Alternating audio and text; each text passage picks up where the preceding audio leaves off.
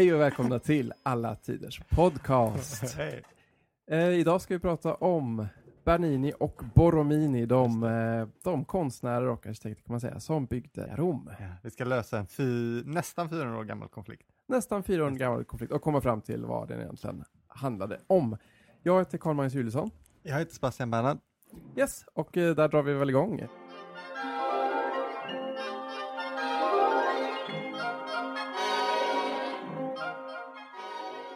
Gian Lorenzo Bernini. Gian Lorenzo. Han föddes då alltså 1598 i Neapel, Ja. det vet vi, och eh, han, han var lite av ett underbarn. Hans pappa var ju också skulptör, Pietro Bernini. Och eh, man brukar säga att faktiskt att Bernini att var han som uppfann barockskulpturen. Gör man det? Ja, jag, jag Ja, läste att det finns en, en forskare som tycker att man kan säga att han gjorde det. En forskare. Och ska vi kanske definiera lite grann också vad en barockskulptur är? Alltså, det kan man ju se om man tittar på hans David, tycker jag man kan se det ganska tydligt. Ja. För det finns ju många olika David, alltså David och. Goliat-statyer. Vi har Perfekt ju, jämförelse med Michelangelo. exakt, vi har, vi har ju Donatellos i brons. Ja, just det. Och vi har Michelangelos berömda Ja. eh, Davidsstaty. Och eh, båda de har ju det så kallat då kontraposto, de står ju fint på ena benet. Ja, Och eh, ja, men filurar med sin, eh, sin eh, släng, slänga, slunga, Slänga. Slunga. slunga i handen. Men Berninis David i alla fall, Ja. den står ju inte där och chillar innan eller efter själva kampen, utan den är ju liksom mitt uppe i själva striden. Han, han är sur, han är inne i det, han är på väg att kasta stenen, han är liksom i rörelse. Just det. Och det är väl det man kan säga är liksom det barocka i, om man kollar i skulpturer, att de, de är i in the, in the, in the action, så att Just säga. det. Eller? Det Ja, bra. men det låter som en jättebra definition. Jag känner, men det känner jag att jag har hört. Ja. Den. Och eh, det som hände sen då, han bodde ju, han och hans pappa bodde ju i Neapel och hans familj.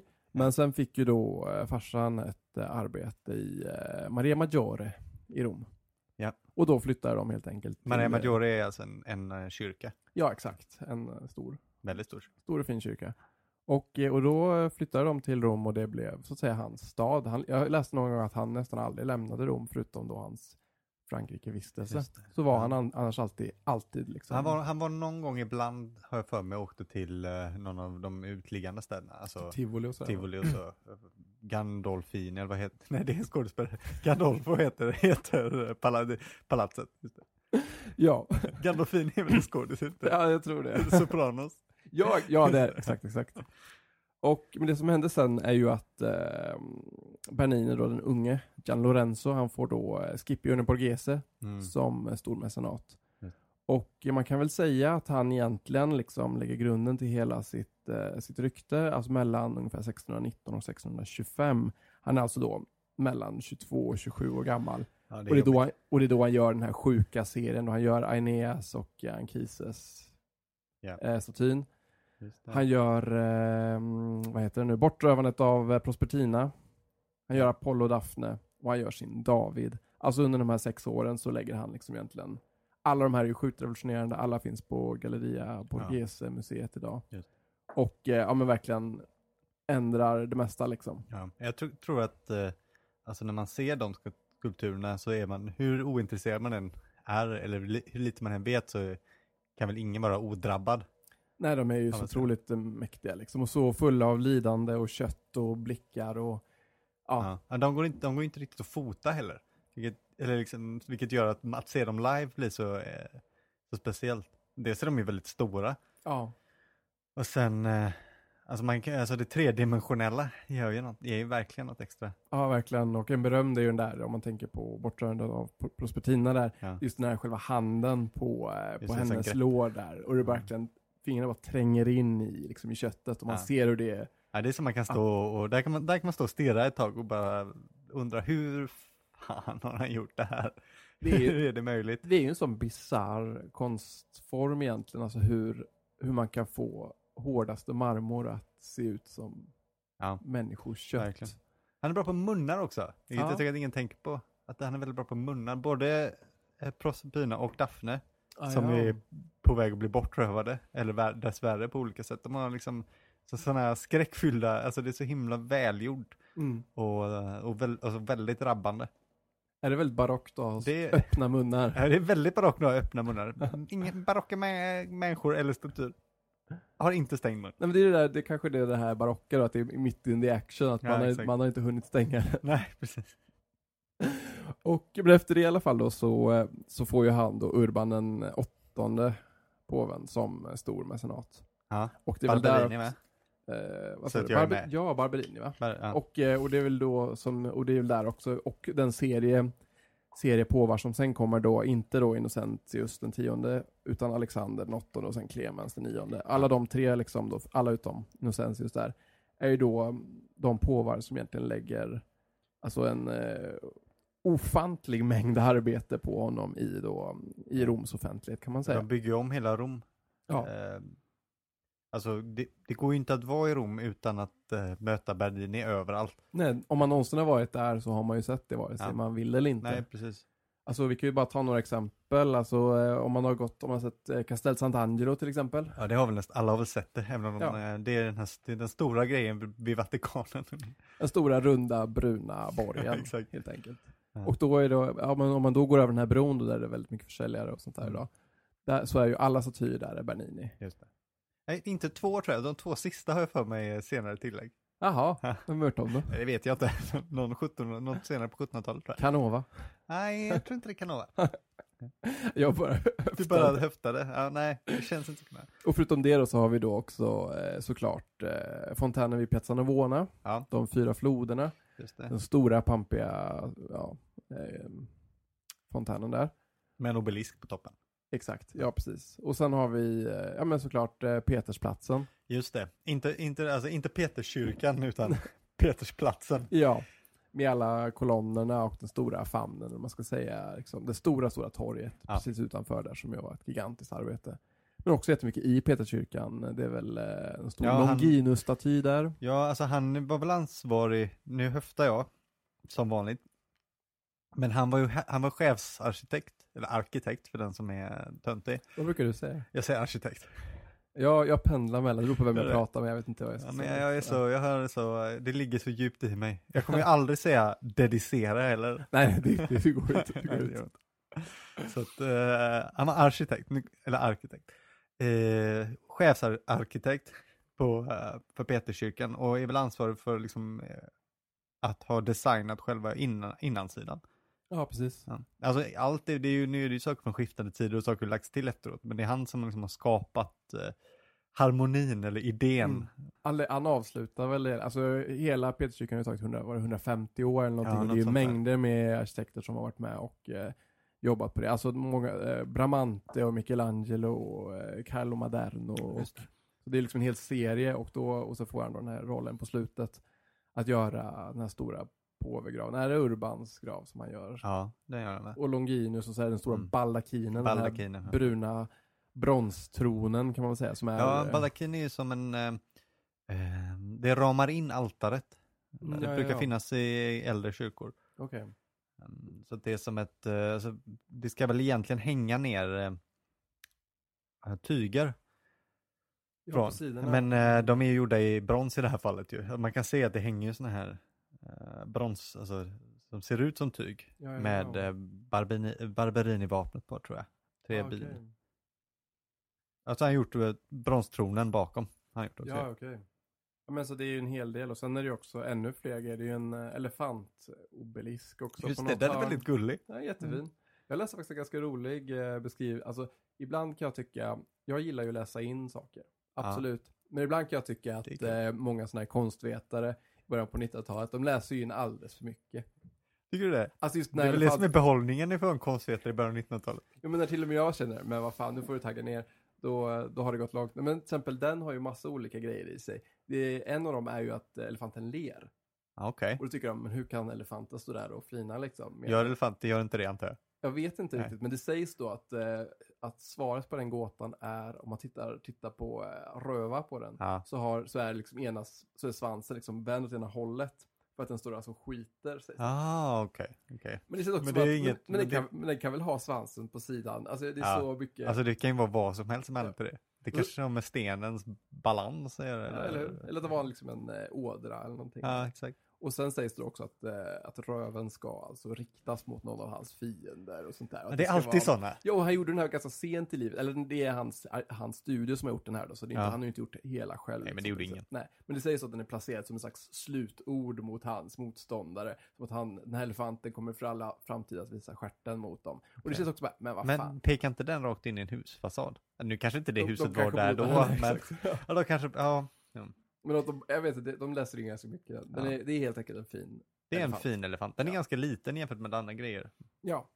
Och sen efter det så finns det en mängd olika statyer, en mängd olika kyrkor. Och det Ja, finns olika alltså, kyrkor som man har. Liksom, att Verkligen, det, det går inte att gå igenom alla, men, det, listan är ju oändlig liksom. men det, för det är väl, eh, det är ju ett citat från någon, jag vet inte vem, men att Rom, och- som är, handlar om att Rom och Bernini, liksom, de funkar inte utan varandra. Nej, Det, precis. finns, det Rom som finns är Berninis Rom. Och Ja. Bernini hade aldrig kunnat bli den han blev utan Rom. Nej, och eh, där, kan man, också- där kan man kanske prata lite om också hur Alltså det Rom vi tänker på, när man hör Rom så tänker man på antiken och man tänker på eh, romerska kejsare och sådär. Men, men det Rom som man faktiskt ser idag är ju faktiskt från den här tiden, från, alltså det är ett barockt Rom som vi ser Ja. när man är där. Vare sig man vill eller inte. Verkligen. Allting är ombyggt på barocken nästan. Ja, och eh, Även tänker, saker som är äldre, om vi tar eh, Maria Maggiore, Ja, exakt. eh, som är en, en, en av de stora fyra viktigaste kyrkorna, eller sju Mm. viktigaste kyrkorna kanske man säger. Eh, den är ju från 400-talet, tror jag. Mm. Om inte från 300-talet, det är väl där, där tvistar Det lär folk. Men det är man 400-talet kan vi säga. Men det är ju inte det, är inte det vi ser. Nej, precis. Nej, det är ju, vad finns det kvar från det då? Stommen och Nej, jag tror att eh, mosaikerna i är väl också, de är från 1100-tal och många, de flesta i alla fall, de är altaret. Det är nästan ingenting. Kanske P, alltså kolonnerna och sådär, men sen eh, höljet. Mm. Men sen så är ju allting ombyggt. Ja. I många senare tider, men framförallt kanske under barocken. Jag tänker att man kanske borde liksom nämna det också, varför de satsar så himla mycket på konst. Ja. Just på 1600-talet, så hur kommer det sig att man la miljarders Miljarder. kronor på att bygga om alla kyrkor, om alla palats, bygga om hela stan Ja. egentligen. Ja, men det, har ju, det är ju så både Bernini och Borromini gör sitt, sin förtjänst i den här enorma ombyggnaden. Ja, Det är en del av det som man brukar kalla för kontrareformationen, Ja. vilket låter kontrarevolutionärt. det är det väl också. Proto-kontra. Kontrareformation, är man då revol revolutionär? Ja, jag kanske. Om man är emot Ja, reformationen. men alltså det som händer här är ju då, det här kan ju du bättre Ja, men det är ju, alla, alla förhoppningsvis vet ju att Luther och reformationen och att eh, Nordeuropa splittrade av och, och hittade på sin egen grej. Protestantismen. Protest- Protestantismen, exakt. Ja. Och som svar på det här så liksom, katolska kyrkan blev lite konfunderade. Vad ska vi göra nu? Det här är De fick ju en del kritik De fick, de fick en del kritik, precis. Så man, eh, flera saker med, man sammankallade ett jättestort kyrkomöte och eh, där, eh, där, där, där kan vi säga, och därifrån utvecklades det genom kontrareformationen. I början var den väldigt antikonst, alltså man skulle, man, man, man skulle så att säga gå till gå med på några av protestantismens klagomål. Okej, man höll med om att det kanske var lite, lite för korrupt. Så, så man, man blev mycket stramare och hårdare och man var mycket hårdare mot konsten också. Skulle, det, skulle inte, det fick inte vara för naket till exempel. Det är väl nu Ja, man bland annat det. målade på Michelangelos, eh, hans eh, Sistine kapell, man målade på kläder på dem. Ja visst ja, Och och sådär. löv på en massa grejer. Ja, också, precis. Ja. Men efter ett tag så, så skiftade man strategi lite eh, framåt 1600-talet och då gjorde man lite tvärtom att man skulle satsa extra mycket på extra allt konst. Det är ganska speciellt liksom, man får kritik för att det är väldigt mycket så här och så här och ni liksom, ni har all den här svulstiga konsten och guldet och allt det där. Och så tänker de så här, ja nej, men ni startar er egen grej och så här ska vi liksom, ska vi tillåta dem att ta sin egen grej och liksom ska och så bemöter man det istället för att bara ta åt sig kritiken. Så men, ja men då skruvar jag upp volymen istället. Ja, men det var det man gjorde verkligen. Så det, är, det finns några punkter då, punkter som reformationen var emot. Påven tyckte de inte om. Nej, Han ska inte, han sitter och bestämmer för mycket. Ja men då ger vi, påven ska bli, han ska bli mer, mer allsmäktig. ja, mer, Han ha mer kul. Han ska ha mer kul. Större palats. Exakt, det ska ha större plats. Gärna mer korrupt också än vad de har varit tidigare. Um, med sådana här påve, romerska adelsfamiljer som monopoliserade Mm. påvedömet till viss del. Eh, och sen kyrkorna är för stora och det är för mycket guld och det tar ifrån. Så det ska vara mer guld, Ännu större. ännu större kyrkor. Framförallt Peterskyrkan blir Mm. jätteviktig då, att man liksom skruvar upp volymen på den så den Mm. blir abnorm. nästan. Och det, och det här har vi ju att, eh, alltså just den här, eh, vad ska man säga, politiska vändningen har vi ju jättemycket kultur att tacka för. Ja, ja. Både, alltså, alltså både konst och, och byggnader och musik. Och alltså, det har vi ju, de skapar ju en guldålder egentligen. Ja. Att bara, Genom att pumpa in pengar, Ja. vilket är ju det de gör. De ger ju ganska mycket, alltså kon, låter ju konstnärerna löpa ganska fritt. Eh, och pröva nya saker. Caravaggio dyker också upp under den här tiden. ja men precis, och eh, dekorerar ju fina saker i Ja, både kyrkor Och sen och hade ju kontrareformationen också, 30-åriga kriget är också lite en produkt av mm. kontrareformationen. Man, man började också så att, eh, skruva åt politiskt och, och skruva tillbaka religiösa friheter och sånt där också. Mm. Men, för Borromi, eh, men både Bernini och Borromini som sagt, de levde ju på, på det här. Ja, alltså jag menar hela Berninis karriär är ju egentligen att jobba för först de här kända familjerna då, eh, Palazzo Barberini Ja. och sen de här olika påvefamiljerna som, Ja, efter, som Det är ju några namn dyker upp. Borghese, Barberini, Pafilio, ja, ehm, vad heter de? Kiji va? Eh, Chigi. Eh, ja. Eller hur? Eh, Jag skulle uttala Kiji men det kan ja, vi prata fan, om italienskt uttalande. ja, jag, Jag tror det, jag kan släppa det. Du har nog helt rätt. Ja, jag skulle säga Kiji, men, eh, men man vet aldrig. Då. Jag tror att jag har fel helt enkelt, men det, det kan jag ta. men i alla fall, eh, alltså med hans inflytande kan man säga då är egentligen, det är ju, det är ju totalt egentligen. Ja, verkligen. Alltså man pratar ju om att det finns en konflikt som vi snart ska komma in på förhoppningsvis mellan Bernini och Borromini. Men Bernini har ju vunnit den, Ja, ja, gud ja. för att alla älskar ju honom mer. ja. Mänskligheten, hans egen samtid.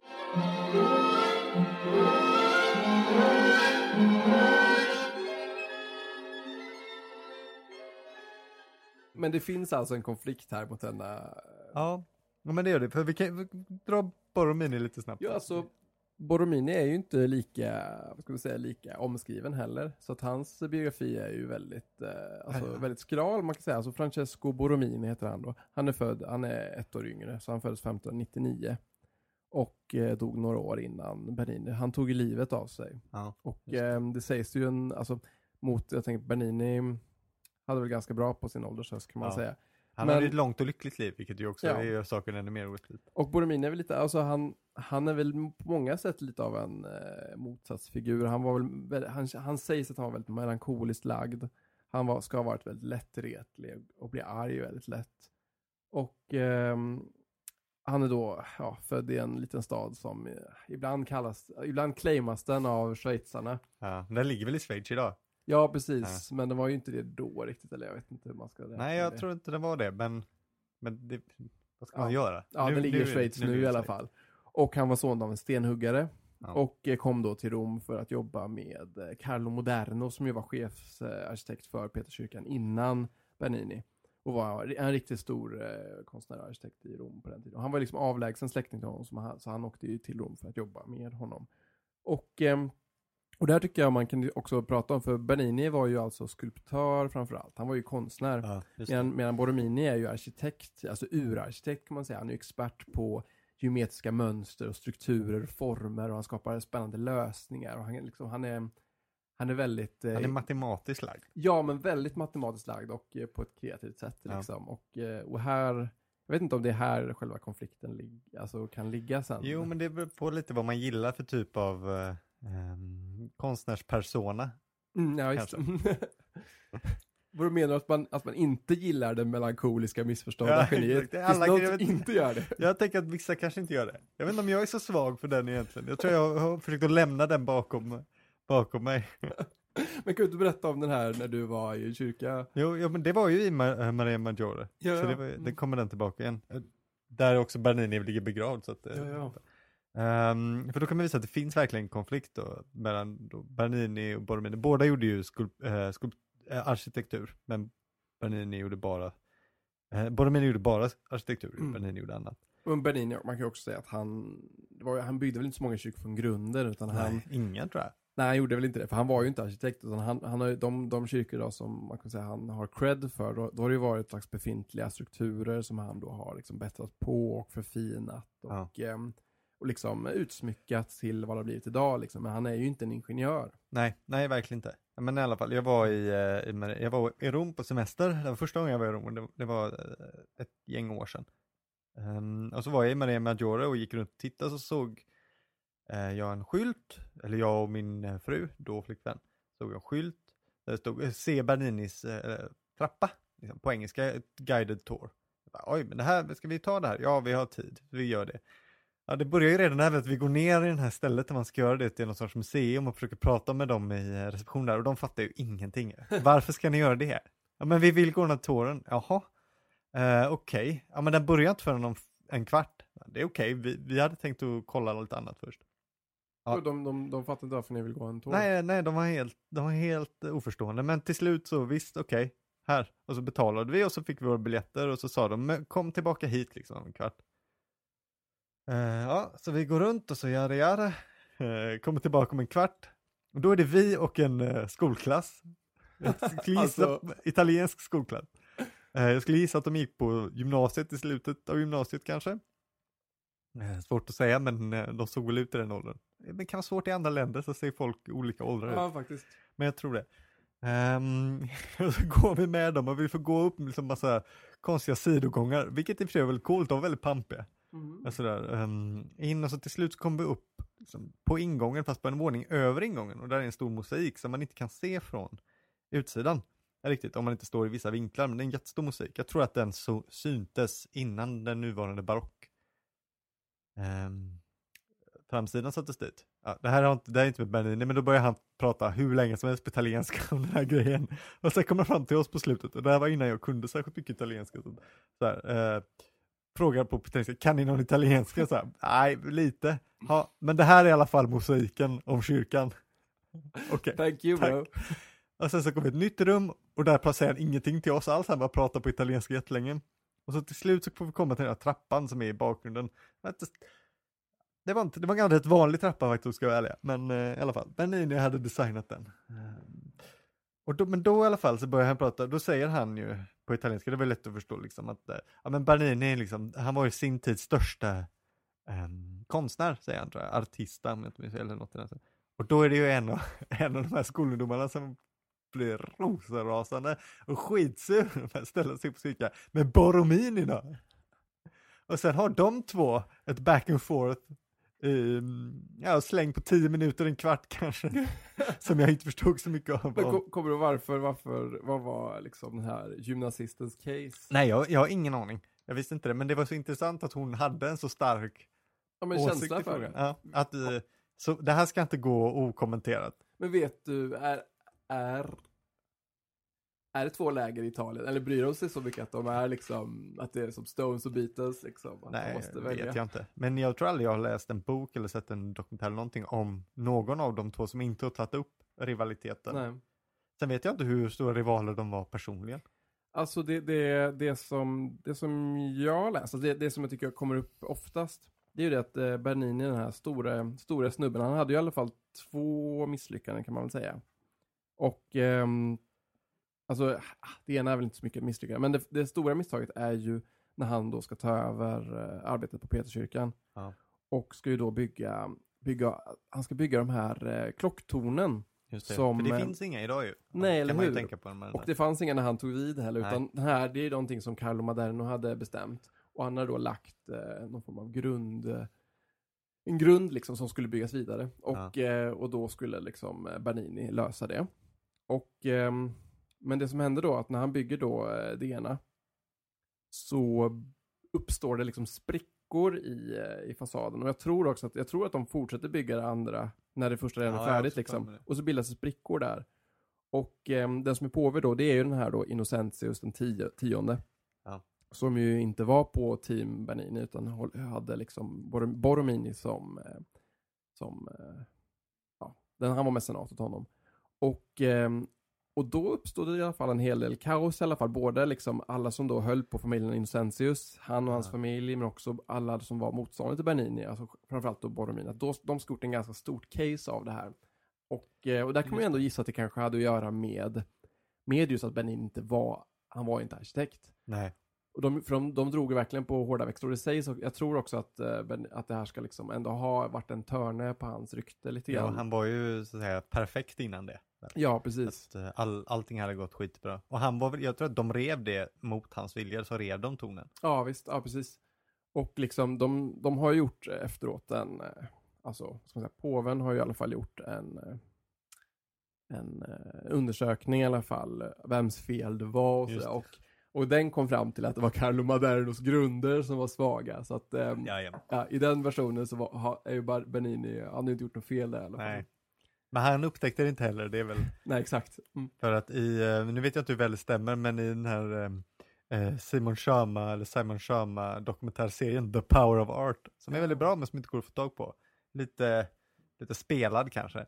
Då ser man ju, då har de ser de hur han spelar Borromini sitter och ser i sina så, arkitektritningar hur var sprickorna kommer uppstå och sådär. Alltså, Förutsåg allting. Och sådär.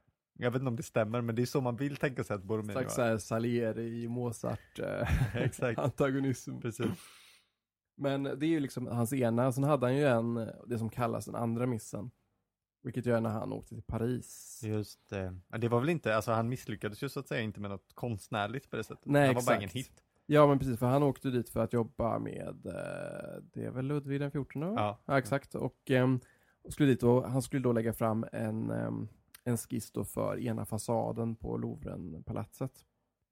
Men, ehm, men det blev liksom, det var lite av en kulturkrock där från början för att um, Bernini var ju väldigt italiensk. Ja. Och ehm, han var väl napolitansk, ännu mer italiensk än Mer vad... italiensk än vad italienare brukar vara. Ja, exakt.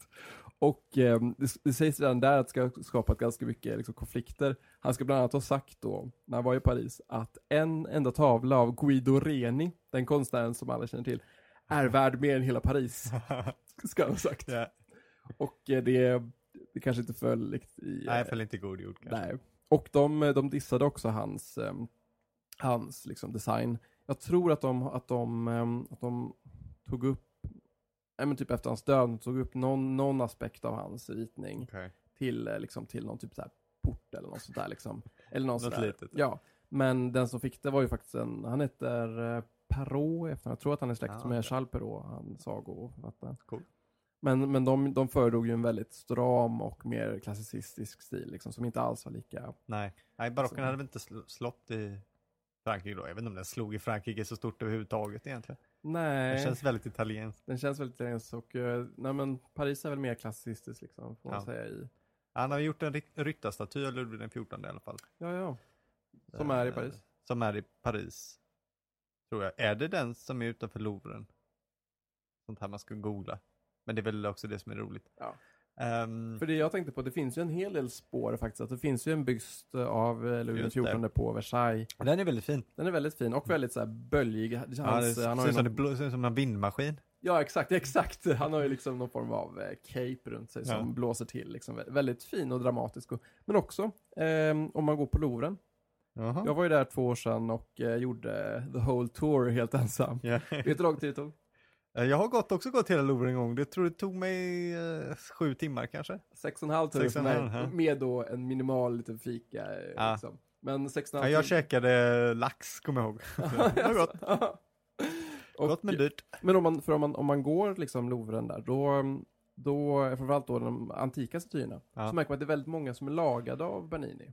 Ja, står det på också? Ja, det gör det faktiskt. Att, eh, det finns till exempel en, Tänkte den här, det. um, finns ju en berömd um, staty, antik staty, romersk tror jag, Mm. på um, den här då, kvinnan som ligger på en bädd och eh, från ena sidan så ser man hennes rumpa och hennes eh, side boob Ja. och på andra sidan ser man att eh, hon har en snopp. ja, just det.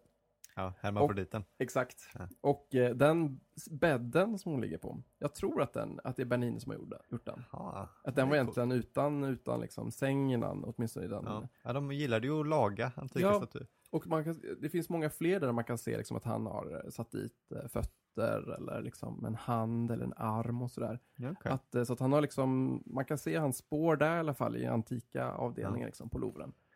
Ja. Så det, det gjorde han i alla fall. Ja, du gick hela vägen, du gjorde inte sådär fusk, man får inte fuska och skippa här de här, de här eh, andra avdelningarna. Jag gick alla som var öppna. Alla var öppna. För det är ju så okej. att allt är ju inte öppet, Nej, öppet tyvärr. Men man får inte skippa det romerska keramiken och sånt där vet är... De gick jag, men jag, jag letade efter uh, sådana som stack ut lite grann. Ja, okej. Men eh, de, de är ju gigantiska. Jag, jag, så, Ja. jag tittade på alla, men inte länge. Så det är det som utmärker en riktig entusiast från en eh, så att säga, vanlig turist. Exakt.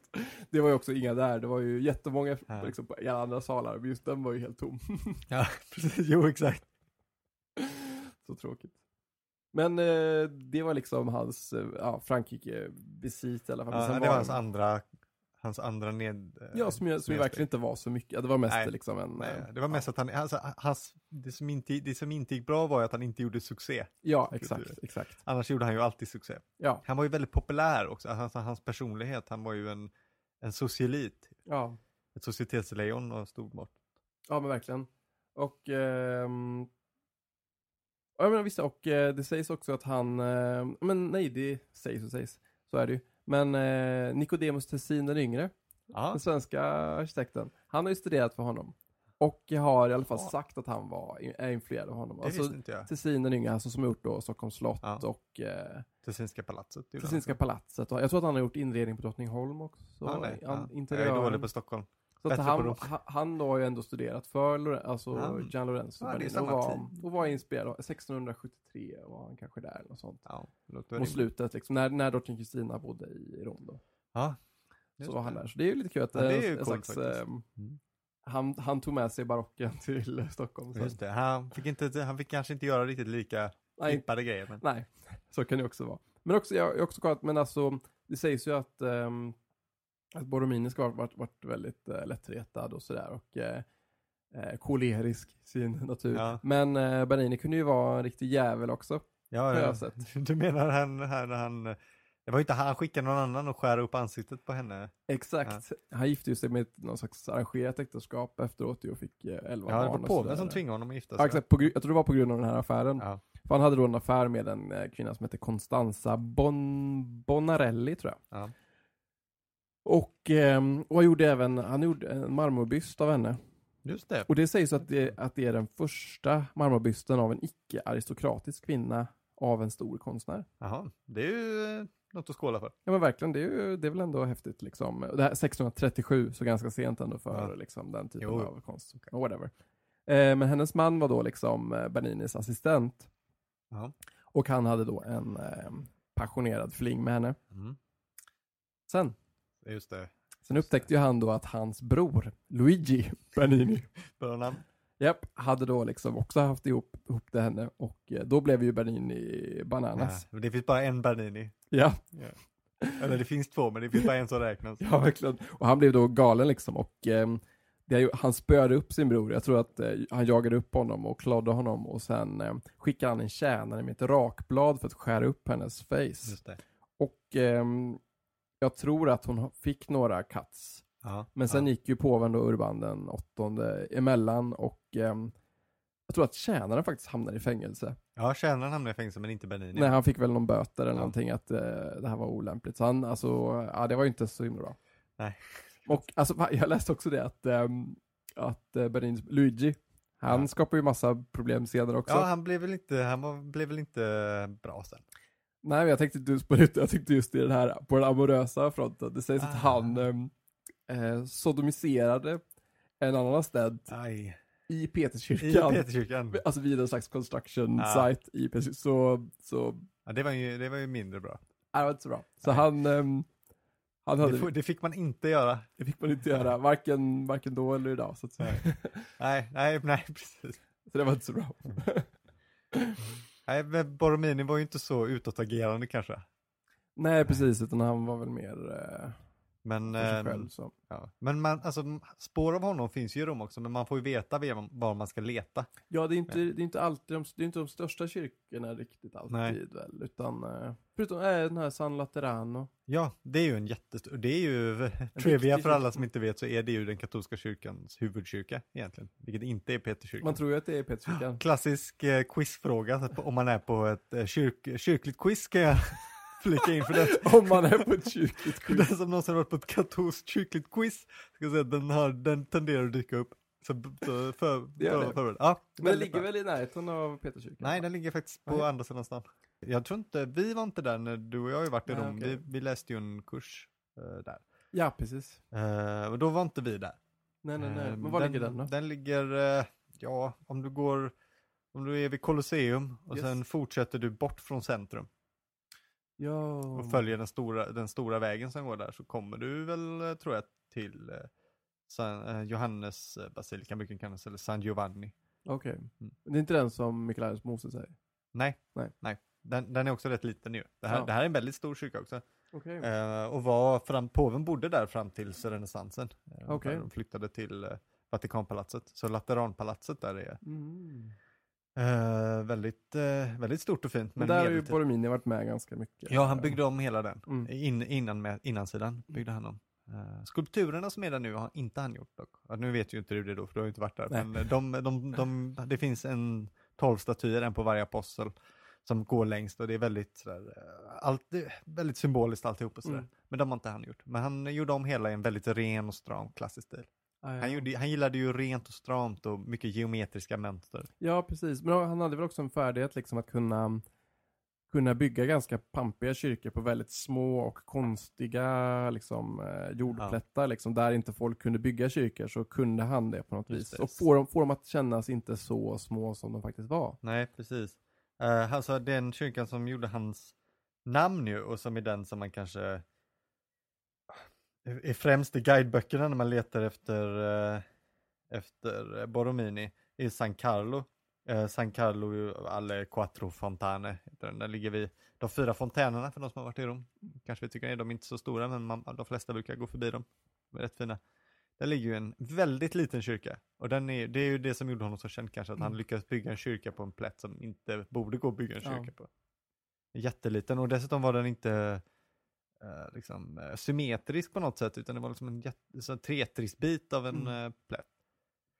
Men, och det eh, känns ju hyfsat stor. eh, Alltså, ja, ja, när man går in, och absolut. det är högt i tak. Ja, men den är ju mindre än ett vanligt eh, lägenhetsvardagsrum typ. Mm.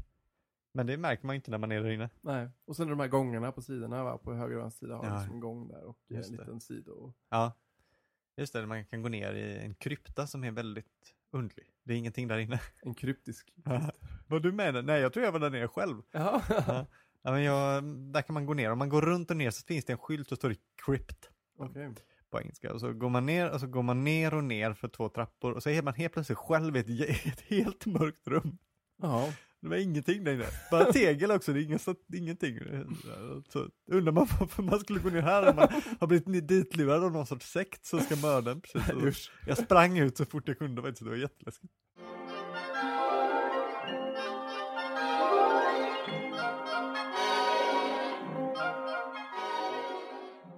Eh, men vilken är din favorit av eh, Bernini då?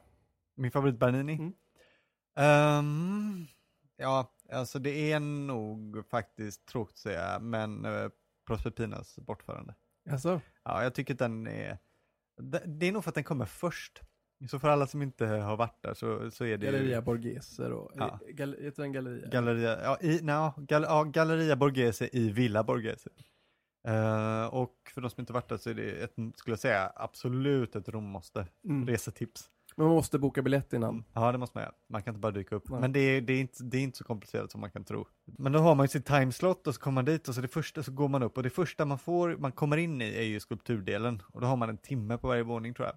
Mm. Eh, och då det första man kommer in och det första man ser är ju eh, Proserpinas bortförande. Mm. Och det är ju, hon förs ju ner till Hades är väl som för bort Eh, ja, eh, ja henne, just det, för de som inte kan historien eh, så är Pluto då. eh, Ja, precis. Pluto här- eller Hades då. Eller Hades. Jag Mm. föredrar det romerska namnen i det här, samma, i det här sammanhanget. Ja, alltid. Jag tycker de är roliga. Ja. Nej, för sig, nu ska vi inte gå in på det, men Pluto är också ett grekiskt namn. Ja. Men, eh, men det är ju då, alltså skulpturen är ju då Pluto som lyfter iväg Mm. Proserpina. Med brutalt våld får man väl säga. Ja, verkligen. Det här är verkligen, eh, det är verkligen en eh, pjäs av Ja. barockslag. Det blir ju, eh, den blir ju så att säga grymmare också när det på engelska titeln är The Rape visst. Proserpina. Mm. Ratto di Proserpina tror jag det är på Mm. italienska. Eh, men det har ju med det, alltså det är ju inte en våldtäkt egentligen, men det har ju med, Mm. alltså det latinska ordet för eh, bortförande är ju rapio. Mm. Så det är därifrån Ray, alltså att man för iväg. Ja, det, ta, det har med ta att Ja, ta och göra. Mm. Mm. Precis.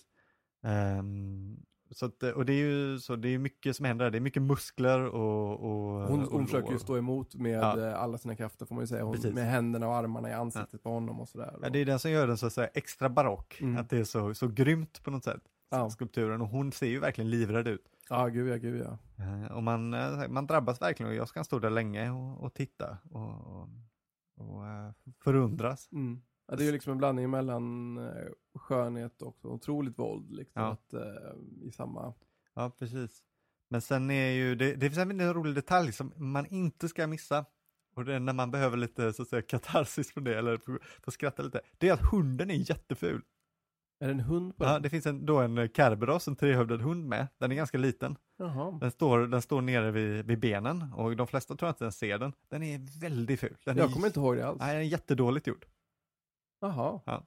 Men, eh, Alltså den ser, den ser alltså, jag vet inte vem som har gjort det, någon dålig elev eller någonting. För att, men titta på den, man vill inte spoila det. Om man är där så ska man gå, så ska man inte glömma, just det, hundar finns också. Och så kommer man, alltså jag vek mig dubbel första gången.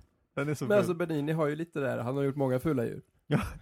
Elefanten är fin, elefanten, är fin. Elefanten är fin. Ja, jo, den fula lejonet på, uh, på Piazza Navona också. Och man får faktiskt säga, objektivt sett får man säga att det är fult. Det är helt ja, det är, det är objektivt fult. Det är, jag vet att det är stor konst, men det är också fult.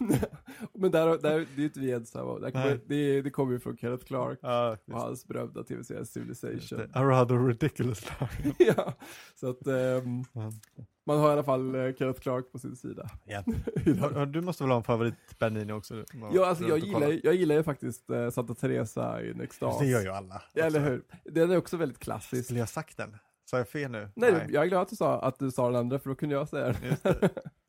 Ja, den är Och otrolig. ehm, den är då, ehm, den föreställer eh, det spanska helgonet Ter- Teresa från Avila.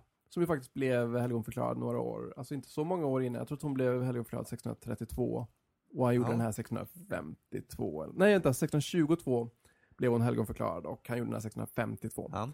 ja, det är inte så länge. Nej, verkligen så. Det var väldigt aktuellt och ehm, den ligger då i en kyrka som heter Santa Maria della Vittoria. Inte jättestor kyrka, va? Nej, men den är ju liten. Och, eh, men, men som är rent eh, skulpturellt väldigt intressant. Den har ju också den här eh, roliga, mm, eh, roliga eh, balkongen. Det sitter en hel, Just någon det, familj sitter och kollar på, som i, som i Mupparna ungefär. Men de sitter och kollar på Teresa, jag tror vilket det. ju gör hela scenen väldigt underlig. Ja, verkligen. För den här, den här statyn föreställer ju henne då. Eh, och en av hennes, det, är liksom, det kommer från en av hennes betraktelser om man ska Ja, säga. hon skrev, väl, hon skrev eh, eh, ner en dagbok över mystiska upplevelser. Ja, och då är det liksom en ängel då som med hjälp av en hjärtformad pil som då liksom, eh, vad ska man säga, penetrerar hennes hjärta. Ja, exakt. Det måste väl vara det mest korrekta Ja, det sättet. är väl det mest korrekta Ja. sättet. Ja. Och eh, hennes reaktion på det här är då en eh, väldigt extatisk upplevelse. Ja. I dess mest sexuella Ja, verkligen. upp- Det är- uppenbarelse. Det är, ju- det är väl det alla kommentatorer kommenterar om Ja. den, att den ser väldigt, det ser ut som hon kommer helt enkelt. Ja, ja, verkligen. Och den är ju också den är väldigt vacker liksom och väldigt, eh, Ja, det är också, Mm. hon har, det är så ofantligt mycket tyg. ja Så där, där står man ju också och undrar hur, hur har han hur har han gjort det här? Hur har Mm. han fått den här stenen och verkligen se ut som tyg? Mm. För att man alla kan ju tänka sig, ja, man har sett en skulptur som är bra på tyg, men det här är ju så att man blir lurad. Nej, alltså jag tycker att ehm, skulptur känns, skulle jag kunna säga i alla fall, det känns lite som en sån där konstform som man kanske skiter i ganska ofta. Ja. Men oftast är det för att man inte har sett bra skulpturer på riktigt. Alltså när man Nej, har sett det, det. så, så förstör, också det, det förstör också alla andra skulpturer. Att Ja, där, man går, alltså när man är inne i sånt där, ja, men om man är inne typ i ett sånt där danskt kungaslott. Ja. Så tänker man så här, men det är skulpturer där också. Man bara så här, de är ju inte riktigt samma grej, men nu, de, pissa på det danska, danska kulturarvet nu. inte ihåg. nej jag tänker att de hade inte samma pengar. Nej, att, nej, eh, nej, nej, jag, på- jag på håller ju helt 1600-talet. med, så är det ju verkligen. Men alltså Berninis skulpturer har ju verkligen förstört alla andra skulpturer på många sätt. Alltså just att de, att de, ingenting ser ju lika bra ut. Nej, så Och man är det. kanske var höll, Och även, höll sig eh, liksom go, alltså likgiltigt upp, eh, likgiltigt, ja men så här, mer eller mindre uppskattande innan. Så blir man ju sådär att det är svårt att mäta sig med dem, just Ja. med liksom tyget och rörelsen. Men sen och, tycker jag också att det är det som är, alltså att den är precis perfekt bra. mm. För att om man går lite senare till Canova som vi nämnde, Ja, då visst. tycker jag att det är för välgjort på något sätt. Alltså, ja, det är nästan lite kylig. ja, nästan maskin Mm. Det är bästa med Bernini att man ser mänskliga handen så himla tydligt också. Ja. Ja, men det finns liksom en, eh, en vilja och en kraft i det någonstans som, Ja. inte, som inte Canova har på något sätt. Det är Nej. lite, det är lite märkligt hur det kan vara sen är det ju så dra- ofta dramatiska händelser han Ja. eh, skulpterar där. Så Mm. det, det tillför väl. Men det roliga också med det här, om man ska återvända till eh, Kenneth Teresa. Clark och, Kenneth eh, Clark, och eh, Civilization, så eh, gör ju han en ganska stor grej just med, eh, med den här eh, statyn ju. Ja. För att han, eh, han håller då upp en bild, eller visar upp en bild då på hur hon egentligen såg ut. Just det, det riktiga, det riktiga, Den riktiga Santa Teresa och som då har liksom en eh, vårta på kinden. Ja. Hon har lite sådär tantskägg typ. Och, eh, alltså det ser ut som en tant i en nunnegrej helt enkelt. Ja. Och eh, medan den här eh, statyn då är ju otroligt fager och ungdomlig och eh, otroligt vacker. Ja. Och eh, om jag inte minns fel så gör ju också han den här poängen att det här är liksom den ultimata bilden av barockens förljugenhet. Just det, han kallar barocken för förljugen. Det känns som att folk ändå tycker det. Ja men verkligen att den är så här, alltså de här, den är så orealistisk på det sättet. Och, så här, Ja. och om man bara tittar vad han gör då med den här spanska tanten och bara, nej, jag ska avbilda henne som, eh, Som en eh, 20 någonting. eh, ja, snygg och välformad kvinna. Exakt. Att, liksom att, att ta sig den friheten med då en riktig person då, om man ska prata liksom vår tid och eh, autofiktion och sådär. Att han bara, nu ser den ut så här. Jo, men det ska, den, den är också den ska ju, eh, så att säga, den ska ju locka de troende också. Protestanterna, Ja, de, som, de som velar mellan. De som velar mellan, vad, vilken sida ska jag ta nu här? Stå, ska stå där och bara säga, ja ah, men det här ser, det här ser bra ut. Bara, vad, vad har ni då i Luthers kyrka? Vad har ni för eh, sexiga statyer? Inga! Nej, Just det. Ja, du tar den här. Ja men det finns väl en sån dimension också. Ja, exakt. Men det är ändå roligt att han gör liksom den, den poängen av, av den statyn just att liksom att här, här kan ju, alltså det är en sak att avbilda David eller något sånt där. Men när han väl avbildar en riktig person som dog då 30 år innan och tar sig de friheterna. Det är där liksom den, eh, Det är då problemen uppstår. ja och vad, och, vad, och vad den gör med avbildandet av människor och händelser och eh, verkligheten kan Ja. man säga liksom. Ja, nej, man förstår ju vad man menar men jag håller inte med ändå för att jag, jag vill inte hålla med för jag vill att det ska vara, Men, men, jag vill leva i Berninis värld. men jag tänker liksom, för- förljuget låter, är ju väldigt värderande term. Ja. Och eh, man behöver ju inte värdera det på samma sätt. Nej, man, man, kan ju... försköna också. Det är också värderande kanske men, Ja, det är också förskönt. men det är väl ett ord som har dragits i smutsen, man vill väl att saker ska vara fint. Ja, det vill man väl. Ja, kanske. Eller det vill man väl. Ja, Också, men det, finns ju överallt kan man tänka i barockkyrkor, om man kollar på taken och sådär, så finns Ja, det ju en oerhörd liksom prakt. Jag vet inte, um, det, Nej, det kan väl eh, säkert irritera mm, den, eh, så att säga, um, asketiske ja, besökaren. Att det är väldigt eh, pråligt. hur många asketiska besökare finns det? Ja, det finns nog en och annan säkert, jag vet inte, Ja. kanske, kanske någon. Nej men i alla fall, men, alltså, det, är, det är ju lätt att gå på de ideologiska underligbyggena. Mm. Och hur kunde man bygga de här sakerna? Var kommer alla de här pengarna ifrån? Ja. Vem betalar Mm. för det här? Spanien kan vi säga, men, eh, men eh, sådär, det finns ju sådana problem som Mm. man eh, så att säga, gärna kanske i vår tid också lyfter upp. Hur mycket kostar det? Nej men just alltså att, em, att eh, förklara att, att för att skapa det här så är det ett en förljugen bild av verkligheten, sen Mm. är det ett e- enormt eh, utsugande av, eh, av fattiga människor och, och andra världsdelar som liksom har Ja, möjliggjort den här eh, konstformen. ja visst. Ja, Jag tycker eh, barocken är liksom, den är, det är väl, alla måste ju gilla den mest. Eller jag vet att man inte gillar den rent intellektuellt mest, eller att man tänker att man den, men när man står och ska gå någonstans, ah, vad ska vi då vill man ju se det. Man vill ha ett sånt fett tak som, som ser ut att vara magiskt liksom. Ja, utan tvekan. Alltså att eh, om man ska välja, alltså Eller en, sådana här barockkyrkor är ju nästan, det är ju nästan eh, eh, beroendeframkallande. ja faktiskt, ja, det är ju så. så det är som att man, när man åker någon annanstans och ser någon annan typ av arkitektur blir man lite sådär, ja, vad är det här, kan det inte vara lite, kan det inte vara lite mer hypat tack? Ja men verkligen alltså, de, de först, ja. Ja. Man, man, man vill ju säga en gotisk kyrka, det är ju häftigt också. Men det är inte lika häftigt Nej, som... lite tom sådär, och det är ingen, var är alla bebis, tjocka bebisänglar och... Eller hur? Och alla statyer liksom. Och det är, ja, och, alla, och framförallt, jag gillar också de här blandningen av olika marmorsorter och sånt. Ja, det är, så, att det är svart marmor, och det är grön marmor, det är vit marmor, det är röd marmor. Och så gör man dessa otroliga mosaiker av dem och det är pelare i olika färger och sådär. Ja. Det är ju fantastiskt. Det är så det ska vara. Det, Ja. det är så det ska vara att leva. Ja. ja, det är väldigt, det är väldigt fint.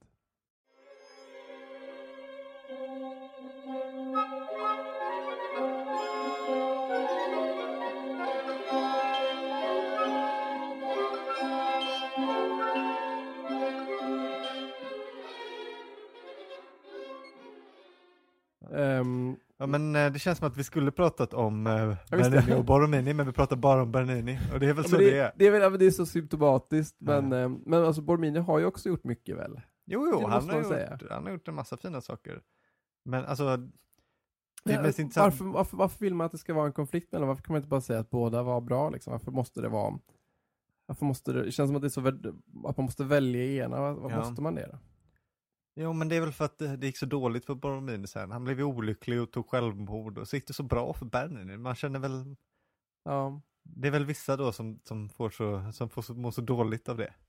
ja Måste- i och för sig kanske är så att vi, vi liksom också typ Alltså reproducerar också den tidens eh, kulturklimat, att vi liksom fort, fort, forthåller, alltså om man läser typ så här på i böcker men också på Wikipedia och så här, så märker man ju att um, de hade ju många motståndare och det var, verkar Ja. ju varit ett ganska hektiskt klimat för konstnärer, att de verkligen var i fejd med varandra och de försökte sänka varandra, de slogs om varandras mecenater Ja. och de så här, drog ner varandras verk i smutsen för att kunna höja sig själva. De hade, det måste ha varit en väldigt konkurrens liksom mellan folk. Och att bara, men bara för att de gjorde så behöver ju inte vi göra det egentligen. Nej, Eller? nej. Vi behöver ju inte Nej, ta vet teama upp bara för att de teamade upp mot varandra. Liksom. Nej. Nej, jag håller med, men eh, ja, när man är i Rom så brukar jag ju alltid försöka peka ut Borromini-grejer för folk så att de inte ska Glömma, glömma bort, bort, dem. Ja men verkligen. Nu har jag gjort fel också då, för jag har ju trott att Sankt Agnese på Piazza de Mona är Borom, Borromini. Men det brukar väl stå så i guideböcker, Ja, det brukar ju liksom att den, att den För ehm, där finns ju en historia om att Berninis skulptur där bredvid håller upp handen för eh, ansiktet. ja, på på, på, fyra floderna. Ja, så att det ser ut som att han väjer blicken från Borrominis kyrka. Eh, Men det stämmer ju då inte, framförallt eftersom Bernini har gjort fasaden på den här kyrkan. Vad har Bernini gjort fasad? Ja. Jaha. Så ju... Men också, men också för att den här statyn var ju färdig ja, innan, färdig kyrkan. innan kyrkan också. Ja, Mm. så att eh, kyrkan eller höll, höll på att byggas i alla fall när den invigdes. Så det fanns ju ingenting att, eh, att säga nej. Nej, precis. Nej, precis. Men det är en rolig historia i och för sig. Men... Men, men Boromir har väl gjort någonting på kyrkan va? Ja, han har ju varit med, han har ju jobbat på den. Men inte fasaden, den gjordes om sen. eh, Och han har inte ritat grunderna på den på Nej. det sättet. Liksom, Nej, eller? han hade gjort en plan för fasaden, men Bernini struntade i den och hade en mer, eh, han ville ha mer skulpturer och sånt där på, Ja. som vanligt. Ja, det är många fina, eh, fina skulpturer i den faktiskt. Eh, Ja, Jag har varit på konsert i den. har du det? Mm. Här. barock, barockkonsert. Verkligen såhär, verk, Passande. verkligen såhär turist, eh, turistkonsert med Ja. eh, musik från Berninis och Borominis tid. Härligt. Ja, Bernini gjorde ju musik också. Ja, visst ja. Det, ja. Han gjorde ju hur mycket som helst. Han var ju Mm. verkligen ett alltså, där, barngeni. eh, Alltså, Du, frå- du, så- kände så uppgiven när du fick reda på, när du kom att tänka på det. ja, Ja, just det. ja. Att han gjorde, vad är det, en opera? Nej, men det sägs att han, ja, men, ja, men han skrev musik, han gjorde scenografi, han regisserade, han skrev Ja. pjäsen, han byggde teatern, han gjorde ju hela faderullan. Alltså, han gjorde ju verkligen allting. Alltså vid ett tillfälle så kunde man gå på en pjäs där han hade skrivit musiken och, och handlingen då ja, precis. Ja, verkligen. Scenografin, han hade byggt teatern. Ja. Och regisserat och regisserat den. Och det här, det här vet vi ju för att det finns en eh, engelsman nu som inte jag kommer ihåg vad han heter, som har skrivit det här i sin dagbok. Han var Ja, i han Rom var vid den där. tiden och liksom, eh, och skrev det här liksom i sina, det är en sån där eh, referenstext idag liksom, där man Ja. skriver om barocken från engelskt perspektiv. Men där han då tar upp just det här faktumet liksom som ju är, ja, det är ju fantastiskt. Ja, det är ju faktiskt otroligt. Ja. Ja, men eh, Vilken jävla kille. vilken kille. Ja. ja, men han är så, jag vill att, eh, jag, man kan ju bli trött på den där olyckliga geniet myten också, eller myten och Mm. myten, men narrativet och det ska gärna vara så att man ska vara missförstådd och att det ska gå dåligt och sen blir man, eh, alltså man älskar ju sådana historier. Men också, det är också för att kulturen, alltså vår kulturhistoria är full av den också. Jo, jo, jo, absolut, men då är det så gött med en kille som Bernini som är ett, ett barngeni, Mm. som sen är, bara är bäst. Mm. Han har, han, han har ett par små sm- snes, eh, ehm, liksom felsprång, ska Mm. jag säga, när det inte går så bra. Men överlag så går det bara skitbra. Han är Mm. jättepopulär, han tjänar bra med pengar också. Han lever ju ett lyxliv. Och sen dör han gammal i Ja. sin säng. Liksom. Ja. Inge, inget, eh, inget problem.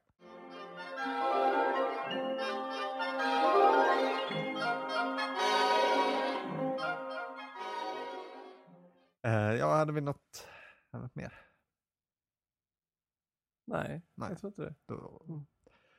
Då kanske vi går och dricker öl då. Ja, det gör vi. Jag är Tack för törstig. Och Hej då. ehm, kul med Bernini. Ja, exakt. Hej, hej. Ha det gott.